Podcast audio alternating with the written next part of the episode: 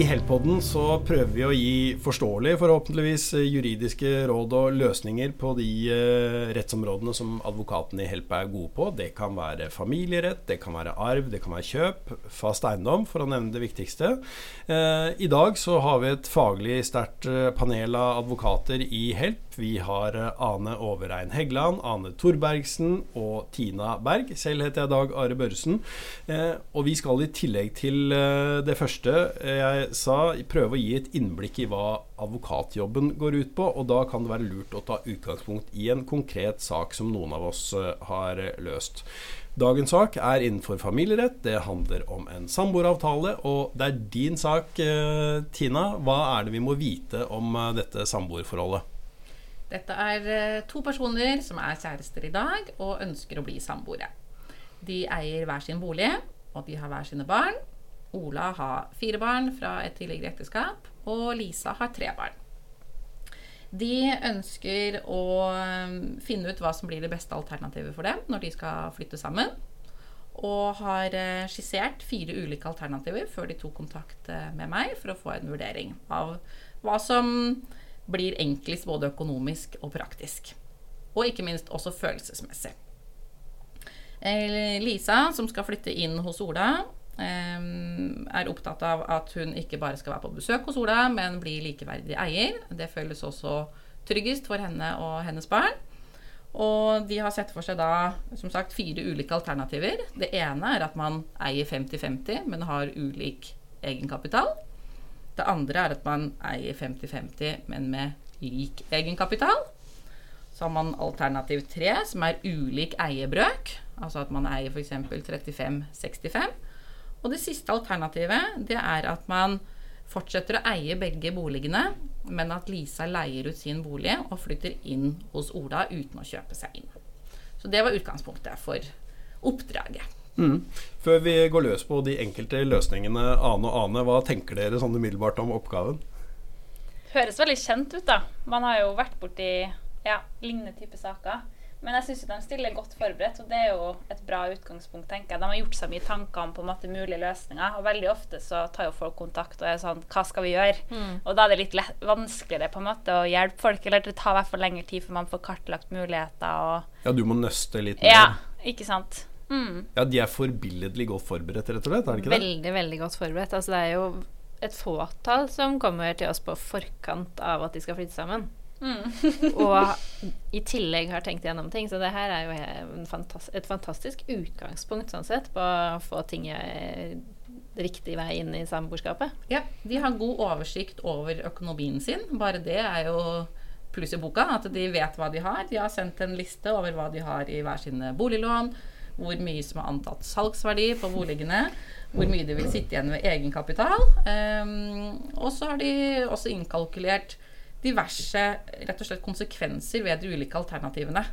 F.eks. der man da ender med en eh, lavere eierbrøk, så er kvinnen redd for at hun skal ende opp med å betale mer i forbruksutgifter, fordi hun da sitter igjen med mer eh, altså frie midler, da. Mm. Ja. Eh, som hun ikke vil skal bare skusles bort på å kjøpe mat og klær. Ja, du, dette er interessant fordi at eh, en annen ting du sa, var jo nettopp at de ønsket en løsning som på, i, på en måte ivaretok følelseslivet deres. Eh, det er heller ikke en sånn kjempevanlig oppgave du får som advokat, er det vel? Ikke så direkte, kanskje, men det ligger implisitt i veldig mange samboersaker. Ved at man eh, Det kan være litt touchy for partene å diskutere. Eh, litt ubekvemt å diskutere hvem eier hva, hvem skal være ansvarlig for hva hva skjer ikke minst hvis vi går fra hverandre. Så en lite snev av psykologbistand og parterapi, det skjer noen ganger.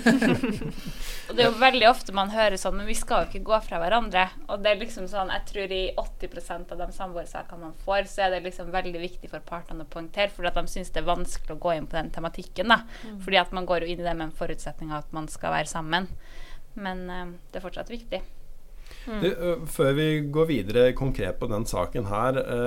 når dere får, eller, får en henvendelse fra et samboerpar, hvor i samlivet er de? Er de akkurat blitt samboere som regel, eller skal de bli det? Eller kan det like gjerne vært at de har bodd sammen i årevis?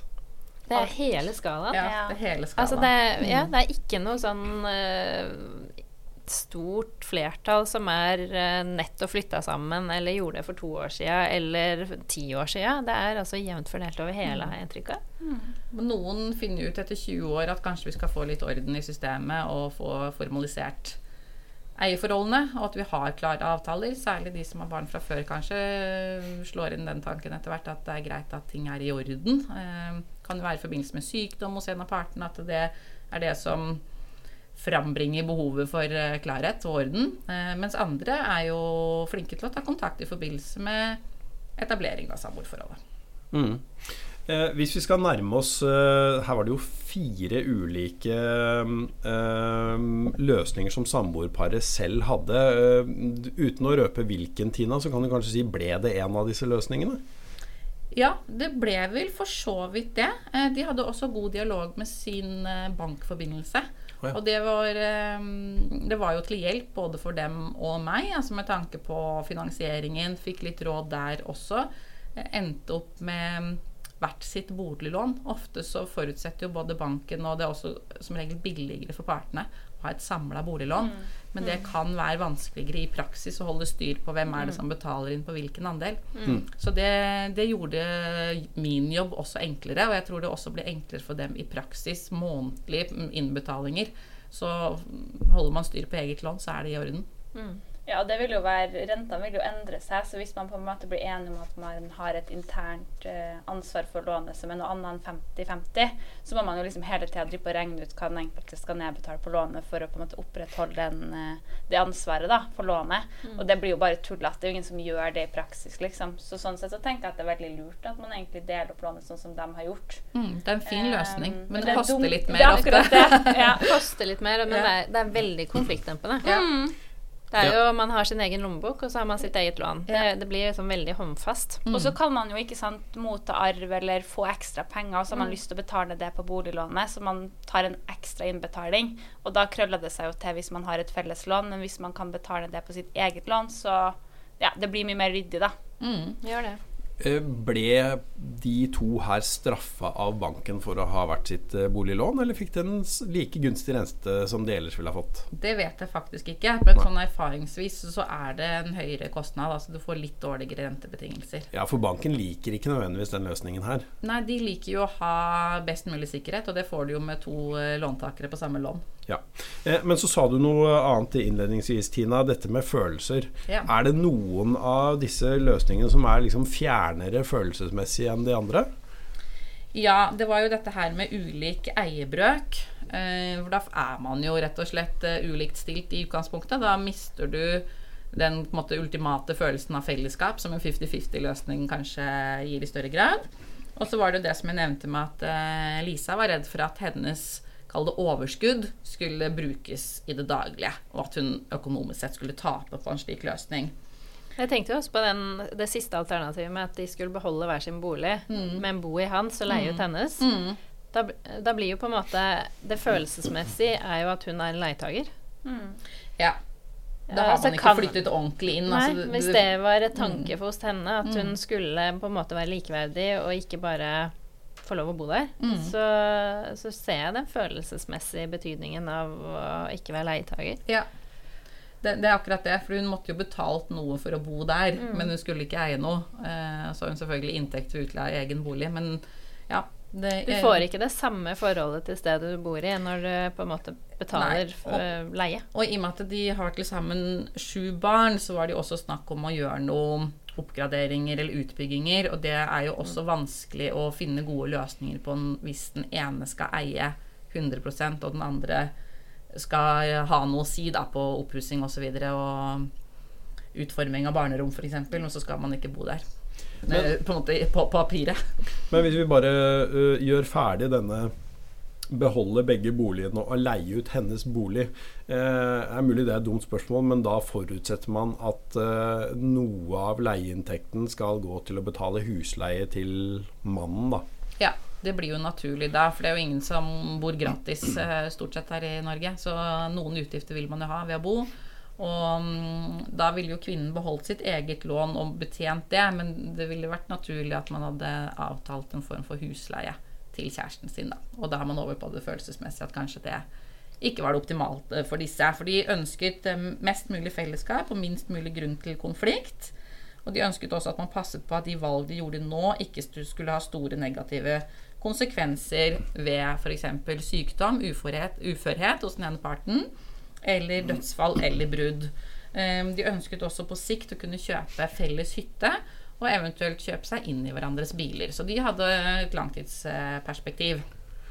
Men det der med at de har et fremtidig ønske om å kjøpe felles hytte, er det noe du på en måte tok med i beregningen i det hele tatt? Kunne du bake inn det noe sted? holdt jeg på si? Det hadde med hvor mye lån de skulle sitte igjen med, hver av partene. Eh. At de hadde økonomisk frihet begge to til å kunne gjøre videre investeringer. De hadde litt ulikt økonomisk utgangspunkt, og hvis kvinnen skulle på en måte tyne seg selv maksimalt i forbindelse med innkjøp i, i boligen hos Ola, så vil jo hun ha redusert mulighet til å bidra til hyttekjøp senere. Mm. Men så sa de en annen ting, og det var at de ville ha minst mulig hva skal vi si, kime til konflikt. Og hva tenker dere andre da? For det er vel én løsning egentlig som utmerker seg her, tenker jeg. Men jeg vil gjerne høre hva dere tenker. Ja, vi tenker nok kanskje det samme med alle sammen. Altså, det er jo det folk som regel vil ha. Det er jo at de eier likt. Og at det, sånn sett så står de på en måte støtt i eierskapet begge to. Eh, og det Altså Om det vil kime til konflikt eller ikke, det kan det jo være på andre måter. Eh, fordi man må jo være enig Det er mye lettere å være eneeier og bestemme alt i et hus. Og si sånn Det er ikke noe diskusjon, for her eier jeg hele huset, og jeg bestemmer hvilke investeringer som skal gjøres, enn når man skal bli enig. Mm. Men uh, av hensyn altså jeg tenker litt sånn, Hvis man tenker litt sånn psykologaktig, da, så vil jeg jo tro at følelsesmessig vil eh, nok kanskje de fleste synes det er litt hyggeligere å stå likt i boligen. Men der opplever jeg noen ganger at folk har litt ra... Eller eh, at man har ulik egenkapital, og man har ulik eh, mulighet til å betjene gjelda. Mm. Sånn at man på en måte, de kommer og sier det er veldig viktig at vi eier 50-50.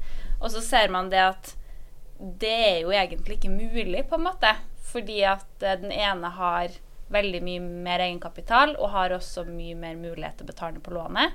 Fordi sånn som jeg har forstått i den saken her, så endte de opp med at den ene hadde mindre egenkapital, men eh, tok også opp mer lån, ikke sant. Men da fordrer jo det at vedkommende har muligheten til å betjene mer lån.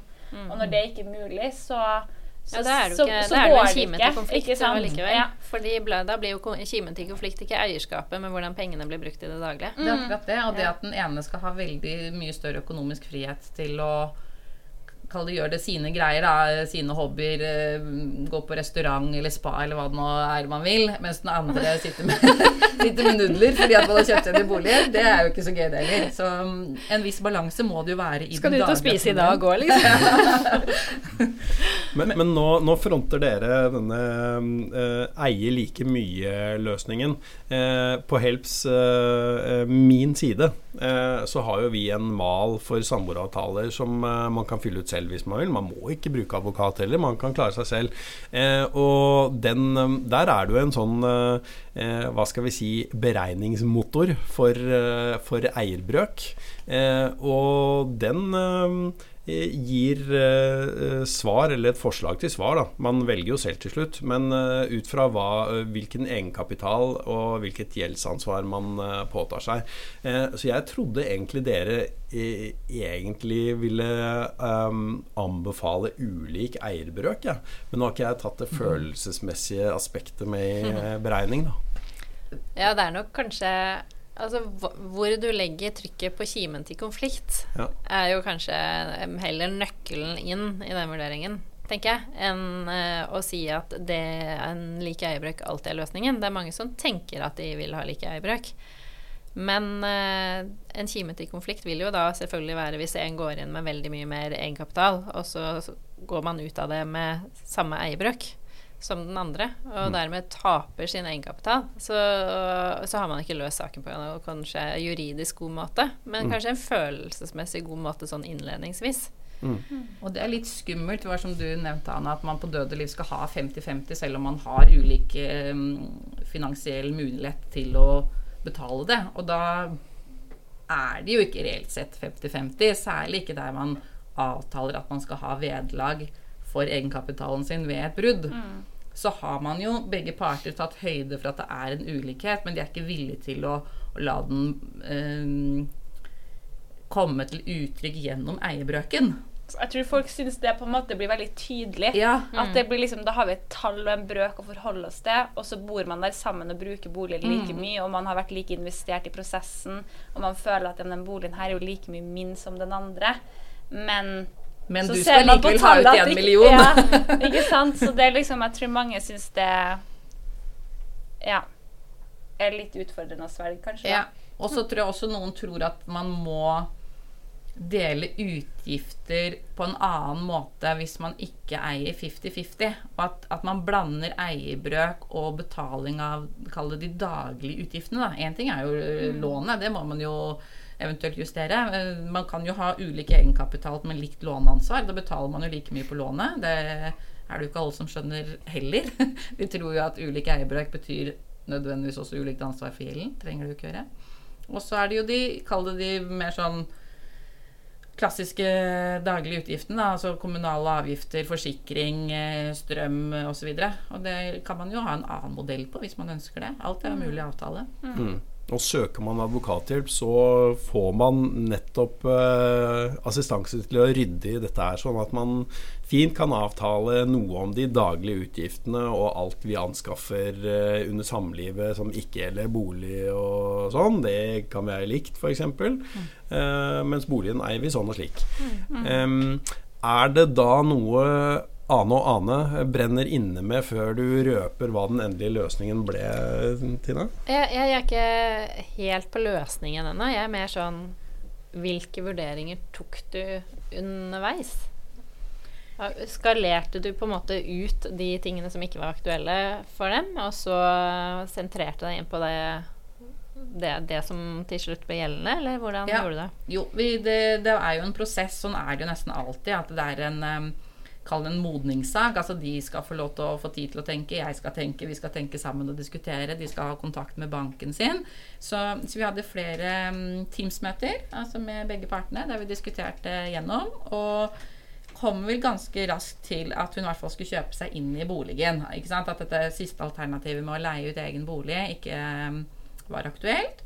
Og så måtte man finne ut med hvilken gjeldsbyrde skulle det være. Skulle det være felleslån eller separate lån? Og hvor mye av egenkapitalen sin skulle hun investere i boligen? Og det, mm, det, var, altså det var ikke noe sånn vanskelig diskusjon, fordi at de var ganske enige og klarte fint å diskutere det. Var ikke helt sånn rådville på, på hvor de ville. Og, og tallene var også såpass jevne at det, var ikke, liksom, trengte ikke sette det helt på spissen og, og ja, gjør det vanskeligere enn nødvendig. Eh, men det som var viktig for henne, som vi ikke har vært innom, er jo dette her med tinglysing av eierbrøk. Fordi at samboere må jo betale dokumentavgift på 2,5% ved kjøp av bolig. Og det eh, ble en egen diskusjon som vi faktisk brukte litt tid på. Fordi at eh, man kan jo avtale noe i samboeravtalen, men la være å tinglyse det i grunnboka. Da vil jo ikke omverdenen se hvem som eier denne boligen. Da vil jo Ola stå som eneeier fortsatt. Mens Lisa bare fremgår som eier i samboeravtalen. Det kan jo få konsekvenser for Lisa dersom Ola skulle havne i et økonomisk uføre og få utleggsforretninger mot seg, f.eks. med kreditorer som får pant i boligen etter å ha sendt begjæring med utlegg til eh, namsmannen. Men her er det jo Hvis det var snakk om at de fikk hver sine lån, så må hun ha vært eh, registrert i Kartverket som eier for å få lånet sitt inn på hennes navn. Ja, det er jo et poeng at banken vil jo ha sikkerhet for sitt lån, og det vil jo da nødvendigvis bli denne boligen, i og med at hun skulle selge sin bolig. Så, så det endte jo med at vi i samboeravtalen la opp til at de hadde en rett til å tinglyse hennes eierbrøk, men de diskuterte også om de skulle gifte seg. Om ikke Ja, ja. så lenge. Ikke? Og da ville de jo få det gratis. altså da slipper man dokumentavgift. Så det var jo eh, noe som de skulle vurdere senere. Det var ikke viktig at vi landet på en beslutning om det. Så lenge samboeravtalen gir en rett til å tinglyse, så kan de gjøre det nå mens de er samboere og betale 2,5 Vi har avtalt at det da vil være kjøper, altså Lisa som dekker det. Eh, fordi det også var viktigst for henne. Eh, Og så får vi se om det blir noe ekteskapsinngåelse. Mm. Men bortsett fra det med kreditorvern, så har jo hun sitt på det uh, tørre egentlig, så lenge de har avtalt dette i samboeravtalen. Hun er trygg uh, ja. i veldig stor grad, og det snakket vi også om. Men da er man jo over på det følelsesmessige. At det, mm. selv om du får beskjed om at det er trygt, så skal det også føles trygt. Det er ikke alltid at um, de to tingene henger sammen. da. Mm. Du, uh, siden du nevnte giftermål, var det et poeng for dem å inngå samboeravtale selv om de tenkte å gifte seg? Ja, det var det jo. fordi de ønsket jo ryddighet hele veien. Dette er jo et strukturert par, som vi har skjønt, i og med at de hadde forberedt seg. Mm. Um, og samboeravtalen vil jo få betydning også ved ekteskapsinngåelsen. At den viser hva man hadde med inn i ekteskapet. Og det får jo konsekvenser i andre enden av ekteskapet, når det enten opphører ved et samlivsbrudd eller dødsfall. Mm. Mm. Uh, er vi da kommet fram til at vi kan nærme oss en løsning, uh, syns dere? Ja, da vet vi i hvert fall uh, hva som lå i, uh, lå i, gryta. Ja, og det er kanskje ikke noe stort sjokk at de endte opp med en 50-50 løsning. Um, de fikk jo hver sine boliglån, og hun betalte inn um, halvparten av det som de ble enige om som markedsverdien på hans bolig. Så de blir enige om markedsverdien? De, de tok ikke noe takst? Markedsverdien. De tok ikke en ny takst. De hadde en takst fra en tid tilbake, men bestemte for at den skulle gjelde også i dag. Mm. Og hun finansierte den da med en blanding av egenkapital etter at hun hadde solgt sin bolig, og et eget boliglån. Og at oppgjør skulle skje når hun hadde fått solgt eh, sin. Og i samboeravtalen så skrev vi dette her ganske detaljert inn, slik at det ikke skal bli noe konflikt mellom partene senere, der man brått eh, glemmer litt hvilke tall det var, hva var det vi tenkte, hvorfor gjorde vi som vi gjorde. Så der, der står det ganske sånn detaljert hva som egentlig er historikken, og hva det gjorde. Mm. Høres ut som en veldig fornuftig og ryddig ordning, tenker jeg. Jeg tror det var fint for dem å få det på plass, i hvert fall. Mm. Så lagde vi også testament, sånn at de hadde sikret seg ved dødsfall. Ja, Og vi anbefaler egentlig begge deler til samboere. Ja.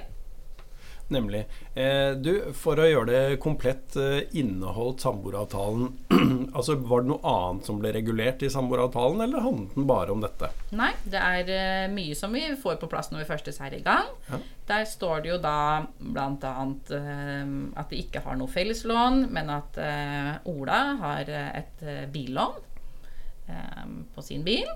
Det står hvem som er ansvarlig for eh, opptak av forbruksgjeld. At det knytter seg til navnet til personen som har tatt opp gjelden, uavhengig av hvem som har brukt pengene. det tenker jeg jo er ganske viktig, for det, det er jo en, problem, altså en, problemstilling man ofte kommer opp i. At man på en måte har tatt opp forbruksgjeld som har gått til familien og fellesskapet, men så står det bare i den enes navn. Og så blir spørsmålet ved et brudd, da. Eh, hvem skal være ansvarlig for det lånet mellom partene? Så jeg tenker at det er jo veldig fornuftig å ta med det inn i en samboeravtale. Mm. Og vi tok også med at de hadde to bankkontoer som skulle eies i sameie. Altså de skulle eie de i fellesskap med like deler. Så at idet du putter penger inn på den felleskontoen, så vet du at halvparten tilhører den andre. Og også regnet opp de viktigste eiendelene som hver eh, person hadde. Altså bil, eh, bankkonti, pensjonssparing, båt, mm. den type ting. Og også regulering av eh, hvem som betaler hva underveis, eller på en måte hvordan da eh, løpende kostnader skulle fordeles. Mm. Jeg syns dette var en uh, forbilledlig gjennomgang ja, av en uh, samboeravtale. Vi har uh, av og til klandret oss selv litt for at vi snakker litt for teoretisk om samboeravtaler. Det har vi i hvert fall ikke gjort denne gangen. Nå har vi gått konkret inn i en, uh, en avtale. En siste ting, eh, dere som er eksperter på samboeravtaler, som jeg kunne tenke meg å ta opp, eh, som jeg lurer på om er et godt råd. Altså, det hender jo at eh, forutsetningene for samboeravtalen endrer seg. Mm. Den ene får en ny jobb, kanskje tjener vesentlig mer. eller det skjer et eller annet i privatøkonomien av et eller annet slag. bør man passe på å revidere disse samboeravtalene når sånt skjer? Ja. ja. altså, sånne avtaler følger jo livet. Eh, og hvis livet endrer seg på et vis, så, og da forutsetningen for avtalen endrer seg, så bør man jo kanskje se om det er noe man skal få endre på. Det er dumt å fortsette å ha en avtale som viser noe helt annet enn hva du gjør i praksis. Mm. Hensikten må være å klare å etterleve avtalen. Klarer man ikke det lenger av gode grunner, så bør også avtalen endres. Helps advokater er aldri langt unna. Det ante meg at det var et godt råd for at du hørte på Help-podden.